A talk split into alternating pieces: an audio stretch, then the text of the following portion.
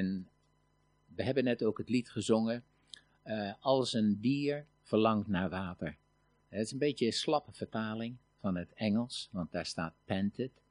En uh, dat betekent eigenlijk dat uh, het smachten is. en je kan het je beste zelf voorstellen wanneer je een stuk hard gelopen hebt, zeker als je het niet gewend bent, en je staat te hijgen als een postpaard, dat, dat is wat is. Dat is het verlangen dat je hebt om water te kunnen krijgen, om verfrist te worden en verkwikt te worden. En dat is eigenlijk de betekenis van het woord. Dus wanneer we zingen, zoals een hert verlangt naar water, zo verlang ik naar u, Heer. Dat is dat we smachten naar het woord. En het onderwerp dat ik vandaag ga behandelen, sluit daar heel goed bij op aan, want ik ga het namelijk hebben over de heerlijkheid van de Heer. En ehm, daarvoor zullen we samen, als u uw Bijbel bij u heeft, uh, wil ik samen met u Psalm 72 lezen. Het is de laatste psalm die door David geschreven is, waarschijnlijk op zijn sterfbed, maar goed, dat weten we niet. Uh, en uh, sommigen zeggen dat die psalm geschreven is, uh, dat hij dat gedaan heeft voor zijn zoon Solomon, omdat hij de nieuwe koning zou worden. Anderen zeggen dat het een ode is, een lofzang aan de Heere Jezus, omdat Hij de koning der koningen is. maar die afweging laat ik aan u zelf over wanneer u Psalm 72 gelezen heeft. Maar laten we samen, na een zegen over het woord te vragen, Psalm 72 lezen. Vader, we danken u, Heer, dat we hier in uw aanwezigheid mogen zijn. U heeft ons geroepen, Heer, omdat u uw woord met ons wilt delen. U wilt ons verder brengen op de weg die u voor deze gemeente heeft. Heer, en zo zijn we hier dan en vragen, Heer, een open hart. Heer, dank u wel dat u in uw heerlijkheid hier bent en dat al wat niet van uw geest is gebonden is, Heer, opdat wij een open hemel mogen hebben. Heer, en dat we uw woord mogen verstaan. Dat het als zaad in ons hart gezaaid wordt en dat het honderdvoudig vrucht mag dragen. Heer, niet voor datgene wat wij doen, maar opdat u geëerd wordt en gezien wordt door mensen die u nog niet kennen, opdat ook hun ziel behouden zal worden. En Vader, zo vragen we uw zegen over het woord. Help ons, Heer, in die gebieden waar wij tekortschieten. Heer, opdat we toch mogen begrijpen wat u zegt en hoe het voor, iets en voor iedereen persoonlijk van toepassing zal zijn. Heer, want zonder uw woord, uw, ons geestelijk manna, het geestelijke voedsel dat we dagelijks nodig hebben, Heer, verarmen wij. Maar dank u wel, Heer, dat u uw gemeente voedt en dat u ons leidt op de weg die wij als gemeente moeten gaan om deel te zijn van uw lichaam, opdat u uw heerlijkheid kunt openbaren, Heer, aan de mensen voor wie u het bestemd heeft. Vader, zo danken we u en ontvangen uw zegen in de wonderbare naam van uw Zoon, Jezus. Amen. Psalm 72.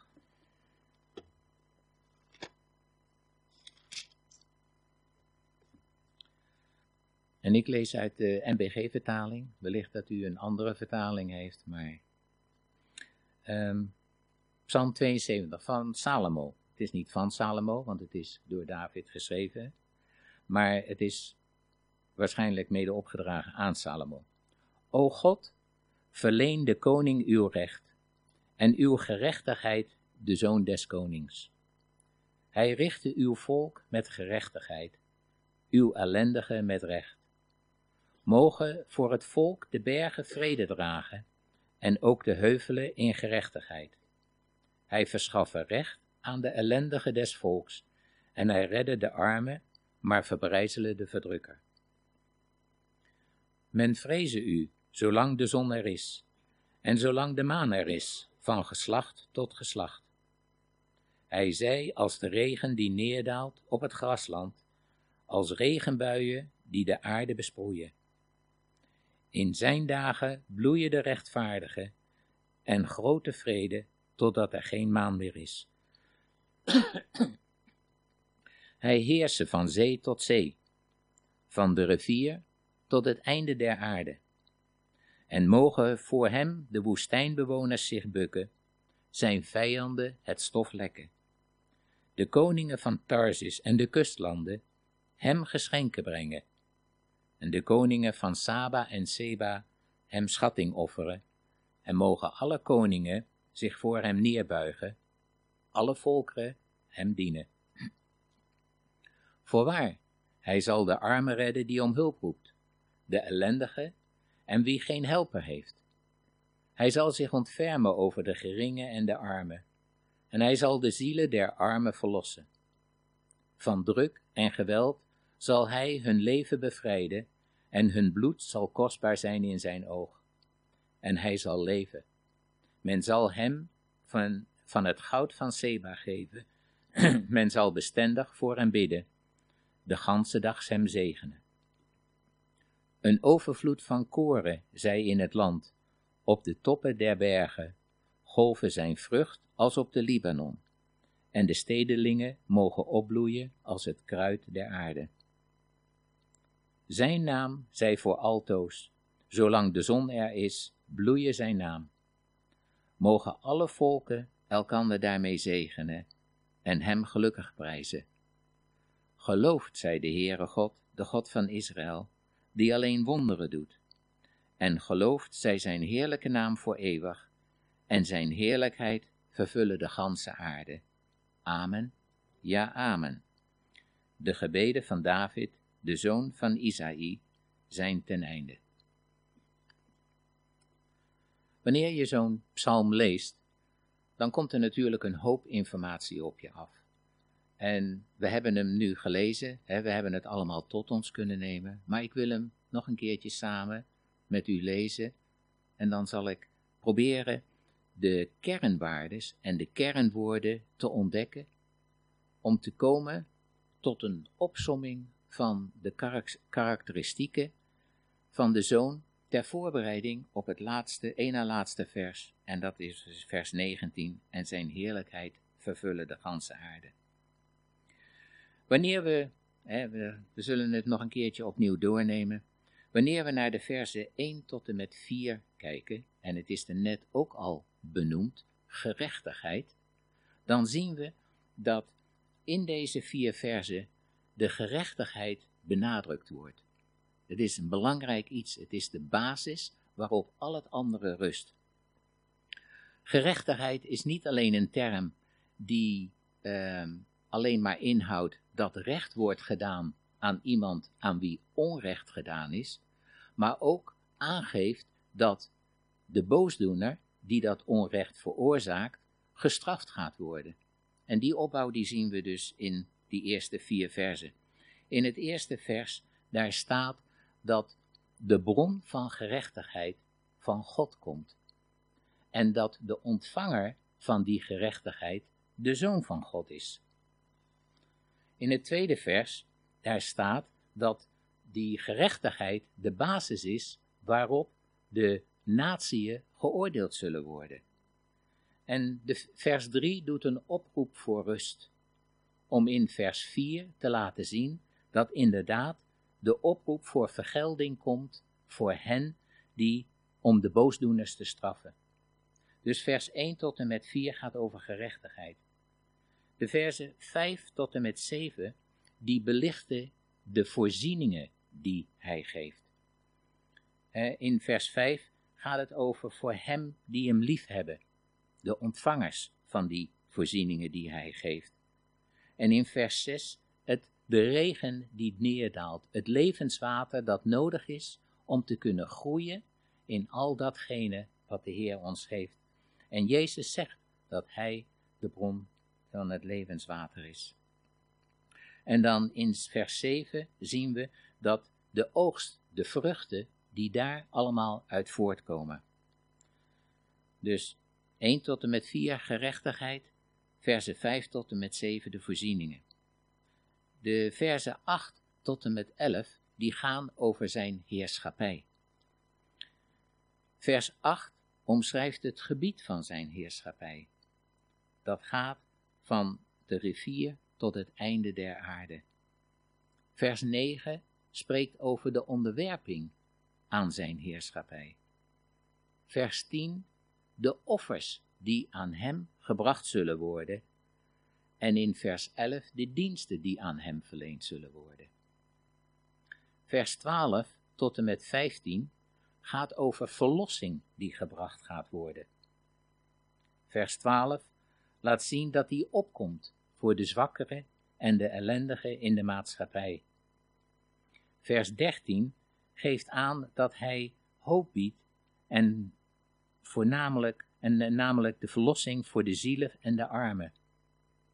In vers 14 staat dat hij een veilige haven voor hun zal zijn, voor hun die zich in hem verlaten. Terwijl vers 15 beschrijft de eer die, hem, die hij verdient. Vers 16 is, gaat over overvloed. De overvloed die hij brengt en die hij bewerkstelligt. En als laatste de versen 17 tot en met 20 tonen zijn reputatie, die hij voor eeuwig en eeuwig behoudt. En zoals ik al zei in het ene laatste vers, in vers 19b, dat is de tweede regel, daar staat, en zijn heerlijkheid vervullen de ganse aarde. Dat is het verlangen dat David uitspreekt, dat Christus gezien wordt. Toen ik in Australië was, uh, bij mijn voorganger, waar ik, en wellicht sommigen van u dat die hem nog kennen, uh, want hij is ook hier geweest, Frank Hultgren, die was op het laatst van zijn leven, was die in een soort verzorgingstehuis. En niet altijd had hij meer het volle vermogen over zijn kunnen en denken. Maar datgene wat mij opviel, ondanks dat hij in de situatie waarin hij was, zomaar uit het niets kon zeggen: Oh, the excellency of Christ. Dat hield hem zo bezig. De grootheid, de wonderbare pracht van Christus. Zijn hele leven was door gemarineerd met Jezus, met zijn liefde die hij heeft laten zien. En dat is ook het verlangen dat David hier uitspreekt, dat de heerlijkheid van Christus gezien gaat worden in de hele wereld. En we hebben deze psalm nu twee keer gelezen. En zoals ik al zei, het is een ode aan Jezus. Een wonderlijke omschrijving van zijn karakter. En in zijn karakter het karakter van de Vader. Want Jezus zegt, wie mij gezien heeft, heeft de Vader gezien. En dat allemaal 3000 jaar voordat hij geboren werd. Het begint met gerechtigheid, de basis waarop alles rust. Gerechtigheid of rechtvaardigheid, waar kan je dat heden ten dagen nog vinden?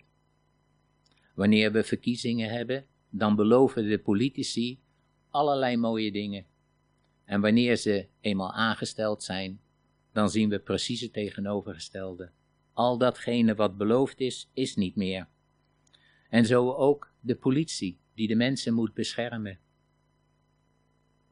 Wanneer we echt naar gerechtigheid zoeken, dan zullen we dat helaas in deze wereld niet kunnen vinden. Het is als een wolk die zonder regen is. Het is een hoop geschreeuw, maar weinig wol. En iedereen heeft er de mond van vol, maar wanneer puntje bij paaltje komt, ja, dan is er niks meer.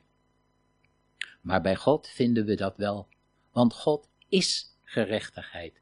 God is zelf rechtvaardig. En daarom hebben we zijn woord, dat is ja en amen. Want God is geen mens dat hij zal liegen. En dan spreekt na de gerechtigheid de psalm over de voorzieningen die hij deelt. De heerschappij die hij voert over de ganse aarde het verlossingswerk dat hij heeft bewerkstelligd door het offer aan het kruis op Golgotha en de overvloed die daaruit voort zal komen. Als laatste zien we een magistraal slotakkoord waarin aangegeven wordt wie hij is en dat zijn naam voor eeuwig en eeuwig geloofd zal worden. En zo zien we dat al deze zaken die we hier benoemd hebben, gerechtigheid, voorzieningen, heerschappij, verlossing, overvloed en reputatie, slaan op de Zoon van de Allerhoogste God, Jezus Christus, onze Heer en Verlosser. En dat is wat we in deze tekst zullen gaan zien. Maar deze tekst is niet de enige tekst in het woord waar staat dat zijn heerlijkheid geopenbaard zal worden in de hele wereld. We kunnen die teksten ook vinden in Numeri, hoofdstuk 14, vers 21. In Daniel, hoofdstuk 2, vers 35. In Habakkuk, hoofdstuk 2, vers 14. Maar ook in het Nieuwe Testament, in 1 Korinthe, hoofdstuk 10, vers 16 en in vers 28. En hier wil ik eigenlijk een brug gaan slaan naar de prediking die in de afgelopen tijd hier hebben plaatsgevonden. Dingen die reeds eerder met de gemeente besproken zijn. En door de predikingen achter elkaar te zetten, kunnen we namelijk een lijn gaan ontdekken die de Heer voor deze gemeente heeft uitgezet. En wanneer we dan kijken naar de predikingen die hier gegeven zijn, dan wil ik zeg maar terugverwijzen naar dat wat Arwie Knoops predikte. Dat God reeds in alles voorzien heeft. Maar dat wij eerste klas ontvangers moesten worden. En om datgene namelijk te ontvangen wat God reeds voor ons heeft voorbestemd en klaar ligt. Want het is belangrijk in dat, in dat opzicht dat we weten wie we zijn in Christus Jezus. En ik zal hier tijdens mijn prediking verder op ingaan, eh, omdat dit de basis is voor al hetgeen dat hierna gaat komen. Ook denk ik aan de prediking van Danny in zaken jullie visie die jullie hebben. Een belangrijk aspect is wie zijn we in deze wereld en wat doen we naar deze wereld? Wie zijn onze naasten? En dan moet ik denken aan dat verhaal over de barmhartige Samaritaan dat hij met ons gedeeld heeft. Ben je bewogen door het hart van God de Vader, die niet wil dat iemand verloren gaat, maar dat alle komen tot een redding in Christus Jezus. En dan afsluitend, belangrijk, waar voeden we ons mee? Wat nemen wij tot ons? Is dat ter opbouw en eer van de Heer, of is dat voor onszelf? Voor de glorie die wij zelf willen hebben, voor datgene wat wij willen doen, wat onze interesse heeft. En dat zijn belangrijke zaken die de Heer reeds met jullie gedeeld heeft. Want als de heerlijkheid van God geopenbaard is en deze in Christus Jezus voor ons toegankelijk is, dan is niets in Christus onmogelijk. Alles is mogelijk. En, en nogmaals, de voorwaarden, die hebben jullie reeds gehoord. Maar vandaag wil ik dan samen met u verder ingaan op de openbaring van Gods heerlijkheid en dat wij in Christus hier deel van uit mogen maken. De evangeliën, die staan vol van de beloftes die de Heer ons gegeven heeft, dat wanneer wij iets vragen, dat Hij daarin zal voorzien. Johannes, hoofdstuk 14, vers 13. Maar de wereld, Hij doet dat omdat de wereld u nodig heeft. Danny zei dat reeds in zijn prediking. U bent de discipel van Jezus. U bent de verlosser van uw naaste. En dat doet u niet in uzelf, maar dat doet u in Christus Jezus. Toen Jezus op de aarde liep, was hij de enige die dagelijks relatie met zijn vader had. Maar nu hij naar de hemel gegaan is en u zijn discipel bent en u hem kent, kent u ook de Vader. Want wie Jezus kent, kent de Vader. En wij hebben toegang tot het hart van de Vader door Jezus.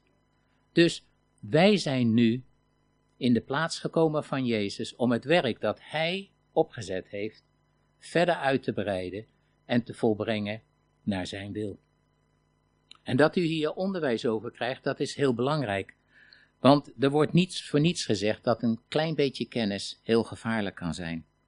Want wanneer die kennis niet goed toegepast wordt, ja, dan krijg je vertekende beelden. En dat willen we niet. Ik zal u er een voorbeeld van geven. Toen ik in de jaren negentig, begin jaren negentig, naar de Bijbelschool ging, toen leerde ik vele mooie dingen over het woord. En uiteraard wil je die dingen ook gaan toepassen. En ik had ook geleerd dat één dag bij de Heer duizend jaar is. En zo wilde ik doorforsen hoe lang nu eigenlijk dat half uurtje duurde, wat in Openbaringen hoofdstuk 8, vers 1 omschreven wordt. En daar staat: En toen hij het zevende zegel opende, kwam er een stilte in de hemel, van ongeveer een half uur lang. Nou, is dat een half uurtje zoals wij dat op de klok kennen? Of is dat anders? En met die kennis van dat één dag bij de Heer duizend jaar is, ging ik dus een berekening opzetten om te uitrekenen van hoe lang dat was. Want ik dacht, één dag is duizend jaar. Er zitten 24 uur in een dag. Er zitten zeven dagen in een week. 52 weken in een jaar. Enzovoort, enzovoort. Maar ik kom er niet uit. Het was gewoon enthousiasme om datgene wat je geleerd had dan toe te gaan passen, om tot een uitspraak te komen, om de geheimenissen van het woord te kunnen doorvorsen, om te zeggen van kijk, dat heb ik nou eens eventjes uitgerekend. Maar het is mij niet gelukt. Dus ik zal gewoon moeten wachten. Om te weten hoe lang dat half uurtje gaat duren. En zo dacht ik ook met betrekking tot de openbaring van de heerlijkheid van de Heer, dat God de Vader ergens in het laatst der dagen, laten we zeggen zo ergens tegen de tijd van de grote verdrukking, christenen zou uitzoeken die, aan wie hij dan zijn heerlijkheid zou gaan openbaren, zodat zij die door mochten geven eh, vanwege hun trouw, standvastigheid en relatie met God. Maar ook van deze gedachte ben ik teruggekomen. Want deze denkwijze, die is niet alleen een enorme ontkenning en beperking van de heerlijkheid van God, maar ook dat deze denkwerk een schromelijke tekortkoming is van wat God reeds door de eeuwen gedaan heeft. En daarom is het zo belangrijk dat bijbelgetrouw onderwijs gegeven wordt, maar dat u daarin ook een verantwoordelijkheid heeft om zelf het woord te toetsen aan het woord en dat u niet alles maar naar binnen slikt van wat er van de uh, kansel gezegd wordt. Uiteraard, we mogen ervan uitgaan dat mensen het woord van God brengen. Maar het is uw verantwoordelijkheid om het woord dat u hoort te toetsen en het tot u te nemen als u, dat, als u daarmee akkoord gaat. De openbaring van Vaders heerlijkheid is aan niemand anders voorbehouden dan aan zijn geliefde, enige geboren Zoon, Jezus Christus, in wie hij wel bewagen heeft, onze losser en verlosser, die ons door zijn offerdood gered heeft van een verloren eeuwigheid. En aan hem komt alleen maar alle lof en eer toe. De heerlijkheid van God is geopenbaard in het leven van Jezus, in het woord, maar ook in de schepping. En daar zien we ook zijn heerlijkheid. En om even een zijsprongetje te maken naar een actueel onderwerp, het milieu. We horen op het ogenblik wereldwijd van de problemen ten aanzien van het milieu. En net zoals in vele films die we op het ogenblik zien, is daar altijd één persoon die de wereld redt van de ondergang. En zo'n superheld, die hebben wij ook. Zo hebben wij voor het milieu Greta Thunberg. En het lijkt wel of zij het boegbeeld is van het behouden van de natuur. Maar wat Greta zegt en wat Greta doet, dat zijn twee totaal verschillende dingen. En het grootste punt dat ik daar heb, is dat Greta op geen enkele wijze God betrekt in zijn schepping, in zijn milieu, in zijn natuur. En de verantwoordelijkheid en de zorg die de schepper gegeven heeft aan de mens in het paradijs, laat zien dat de mens die verantwoordelijkheid niet kan dragen. Door de zondeval is dat verloren gegaan. En wij hebben laten zien dat wij God niet eren door datgene te doen wat Hij van ons vraagt. En het verval dat we zien is iets dat niet door ons gekeerd kan worden en ook niet door de goede adviezen van Greta. Maar ondanks dit verval, ondanks alles wat we zien, is het Bijbels gezegde, al uw werken prijzen u, o Heer, nog net zo van kracht als dat het was in de dagen van de schepping. De sterren, die zingen nog steeds voor hun schepper. Hun stemmen zijn niet door geen enkele zonde verstomd. De aarde en al wat daarin is, verheerlijkt nog steeds zijn maker. Het loeien van de koeien, het zingen van de vogels, het springen van de vissen, de geluiden van het dierenrijk, het groeien van de gewassen, alle verheffen zij hun stem om dagelijks een voortdurend lofoffer te brengen aan de Allerhoogste God. De bergen met hun onberispelijke toppen, waar de bloemen hun geur verspreiden, kan de Heer zijn voeten plaatsen in hun ongerepte schoonheid. De wind die zingt, de golven die bulderen, en alle prijzen zij God, behalve de mens, die zijn schepper niet meer kent en eert door wat hem is toevertrouwd te vernietigen.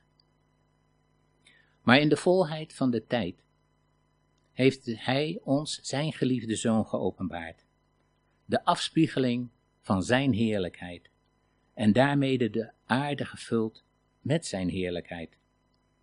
Het woord heerlijkheid in het Hebreeuws is het woord kabot, en dat heeft een veelheid aan betekenissen, zoals gewicht, eer, aanzien, glorie, majesteit, rijkdom, glorieus, veelvoud, vermaard, jezelf groot en machtig tonen.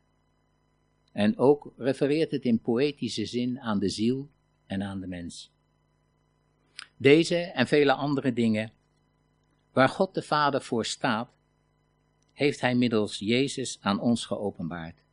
En Jezus, op zijn beurt, heeft het aan ons, zijn discipelen, in zijn grote op, uh, zendingsopdracht, die we kunnen vinden in Matthäus hoofdstuk 28, vers 16 en volgende, de opdracht gegeven om uit te gaan, om mensen te onderwijzen en ze te dopen in de naam van de Vader, de Zoon en de Heilige Geest. En wij kunnen dit doen omdat aan Jezus alle macht gegeven is in de hemel en op de aarde. En dat betekent niet dat er twee soorten macht zijn, eentje voor in de hemel en eentje voor op de aarde. Jezus heeft de autoriteit van zijn Vader gekregen die in de hemel is. En die autoriteit en die macht, die regeert, zowel in de hemel, maar ook op de aarde. Daarnaast zegt, Johannes, uh, zegt Jezus in Johannes hoofdstuk 5, vers 14, Ik ben de wijnstok, gij zijt de ranken. Wie in mij blijft, gelijk ik in hem, die draagt veel vrucht. Want zonder mij kunt gij niets doen. En in de versen 7 en 8 zegt hij dan nog, indien gij in mij blijft en mijn woorden in u blijven, vraagt wat gij maar wilt, en het zal u geworden. Hierin is mijn Vader verheerlijkt, dat gij veel vrucht draagt, en gij zult mijn discipelen zijn. Betekent dat dat we alles maar aan Jezus kunnen vragen? Ja en nee. Let op. Jezus deed op de aarde niets anders dan dat wat zijn vader hem zei en vroeg. En dat is wat wij ook, en daar is sinds die tijd geen verandering in gekomen. Dus wanneer wij iets aan Jezus vragen, dat niet eer en glorie aan zijn vader brengt, zal hij datgene wat wij hem vragen niet doen. Dus onzinnige vragen van de loterij en dat soort dingen, die kunnen we dus gewoon terzijde schuiven. Dus wanneer wij iets vragen, wees je bewust dat het criteria of criterium is dat datgene wat wij vragen heerlijkheid aan de Vader moet brengen, zodat Hij geëerd wordt. En hier zien we dat de cirkel rondkomt. De Vader die zijn heerlijkheid door zijn Zoon aan ons openbaart. Jezus die ons de Vader getoond heeft door zijn levensstijl en het woord dat we hebben. Jezus die de macht van de Vader gekregen heeft in de hemel, maar ook op de aarde, en ons nu toezegt wanneer wij Hem in Zijn naam iets vragen, wanneer wij in Hem blijven en Hij in ons, dat Hij het zal doen. En aan, deze aan die toezegging hebben we gezien dat daar dus een voorwaarde aan vastzit. En ook een van die voorwaarden is dat wij een relatie hebben met God.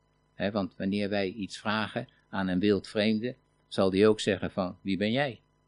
Maar wanneer we iemand intiem kennen, wanneer we dagelijks met die persoon omgaan, dan is dat een hele andere zaak. En dat is ook wat jullie in jullie visie hebben staan. Om vanuit de relatie met de levende God een vreugdevol en aantrekkelijk gezin te zijn. Dat de Heer verheerlijkt en elkaar opbouwt. In jullie visie geven jullie als gemeente aan het verlangen te hebben om de geopenbaarde heerlijkheid in Christus uit te dragen.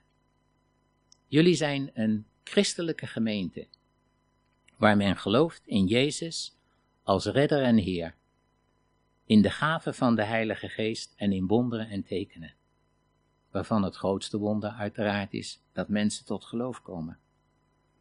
En als ik naar de predikingen van de afgelopen weken kijk, dan zie ik een opgaande lijn waarin de Heer deze gemeente aan het onderwijzen en het toerusten is voor de openbaring van zijn heerlijkheid in Christus Jezus.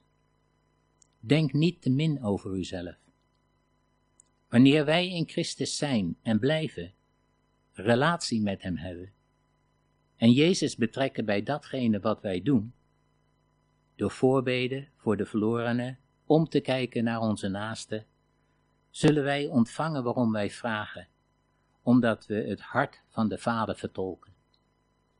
En Jezus zegt, hierin is mijn Vader verheerlijkt, dat gij veel vrucht zal dragen, en gij zult mijn discipelen zijn.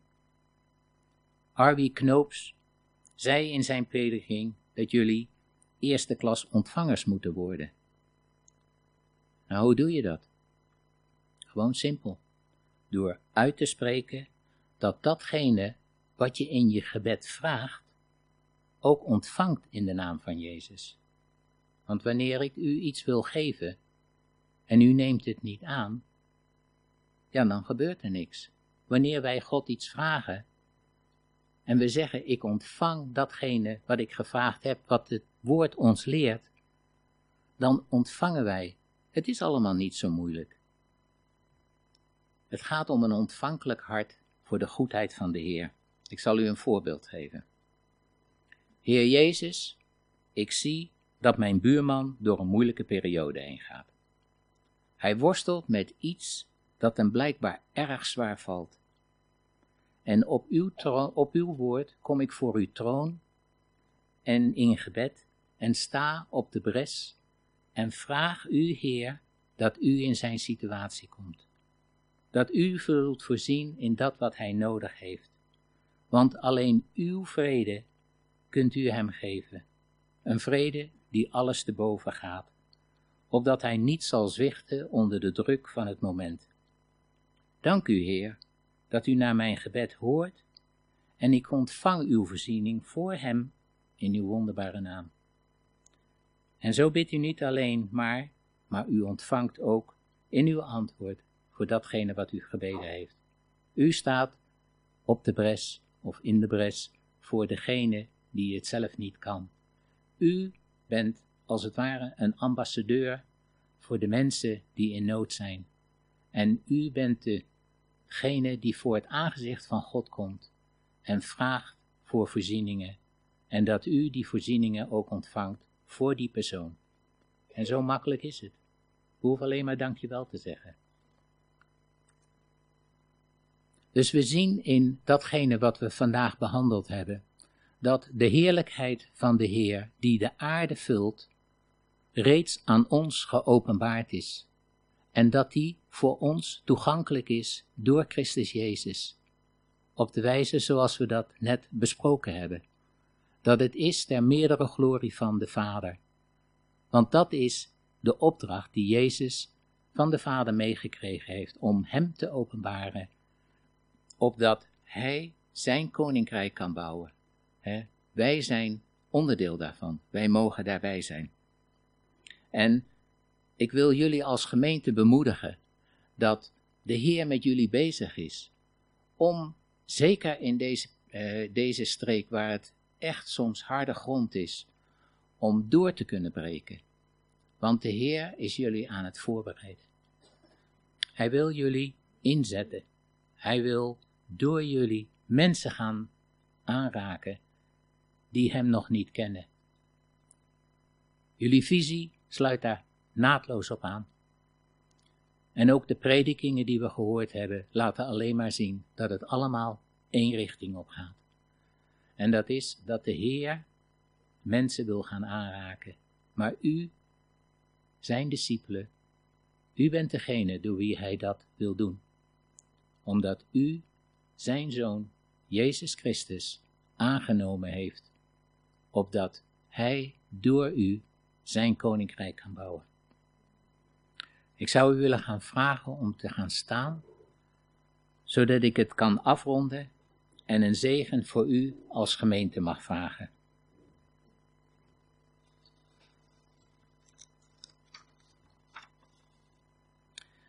Heer Jezus, dank u dat u het geopenbaard, dat u de geopenbaarde heerlijkheid van de Vader bent. En dat wij u mogen kennen door het offer dat u voor ons gebracht heeft. Deze wereld, Heer, die verward wordt door misleidingen, leugens en bedrog, heeft u zo hard nodig. Dagelijks sterven mensen, zonder dat ze u kennen. En daarvoor willen wij ons als gemeente naar u uitstrekken. Heilige Geest, wilt u onze harten aanraken en zacht maken, om de stem te verstaan opdat wij transparant mogen worden voor het aangezicht van God, zodat het verlangen van de Vader in ons, door Christus, gestalte mag krijgen. Dat we gevoelig zijn voor de noden van de mensen om ons heen, en dat wij, onder uw leiding, ware discipelen van Jezus mogen zijn, opdat u door uw gemeente uw heerlijkheid kan openbaren, door mensen te redden, dat u zich bekommert om de ellendigen die geen helper hebben, en dat u zich zult ontfermen over de geringe en de armen, en dat wij daarbij een verlengstuk mogen zijn van u. Vader, we danken u dat u ons gehoord heeft en dat u dit verlangen in ons zult uitwerken. Heer Jezus, in uw naam zegen ik de gemeente, waarvan u het hoofd bent, opdat de Vader door hun werken verheerlijk mag worden. Dat uw overvloed op hun hoofden mag rusten, zowel individueel als collectief.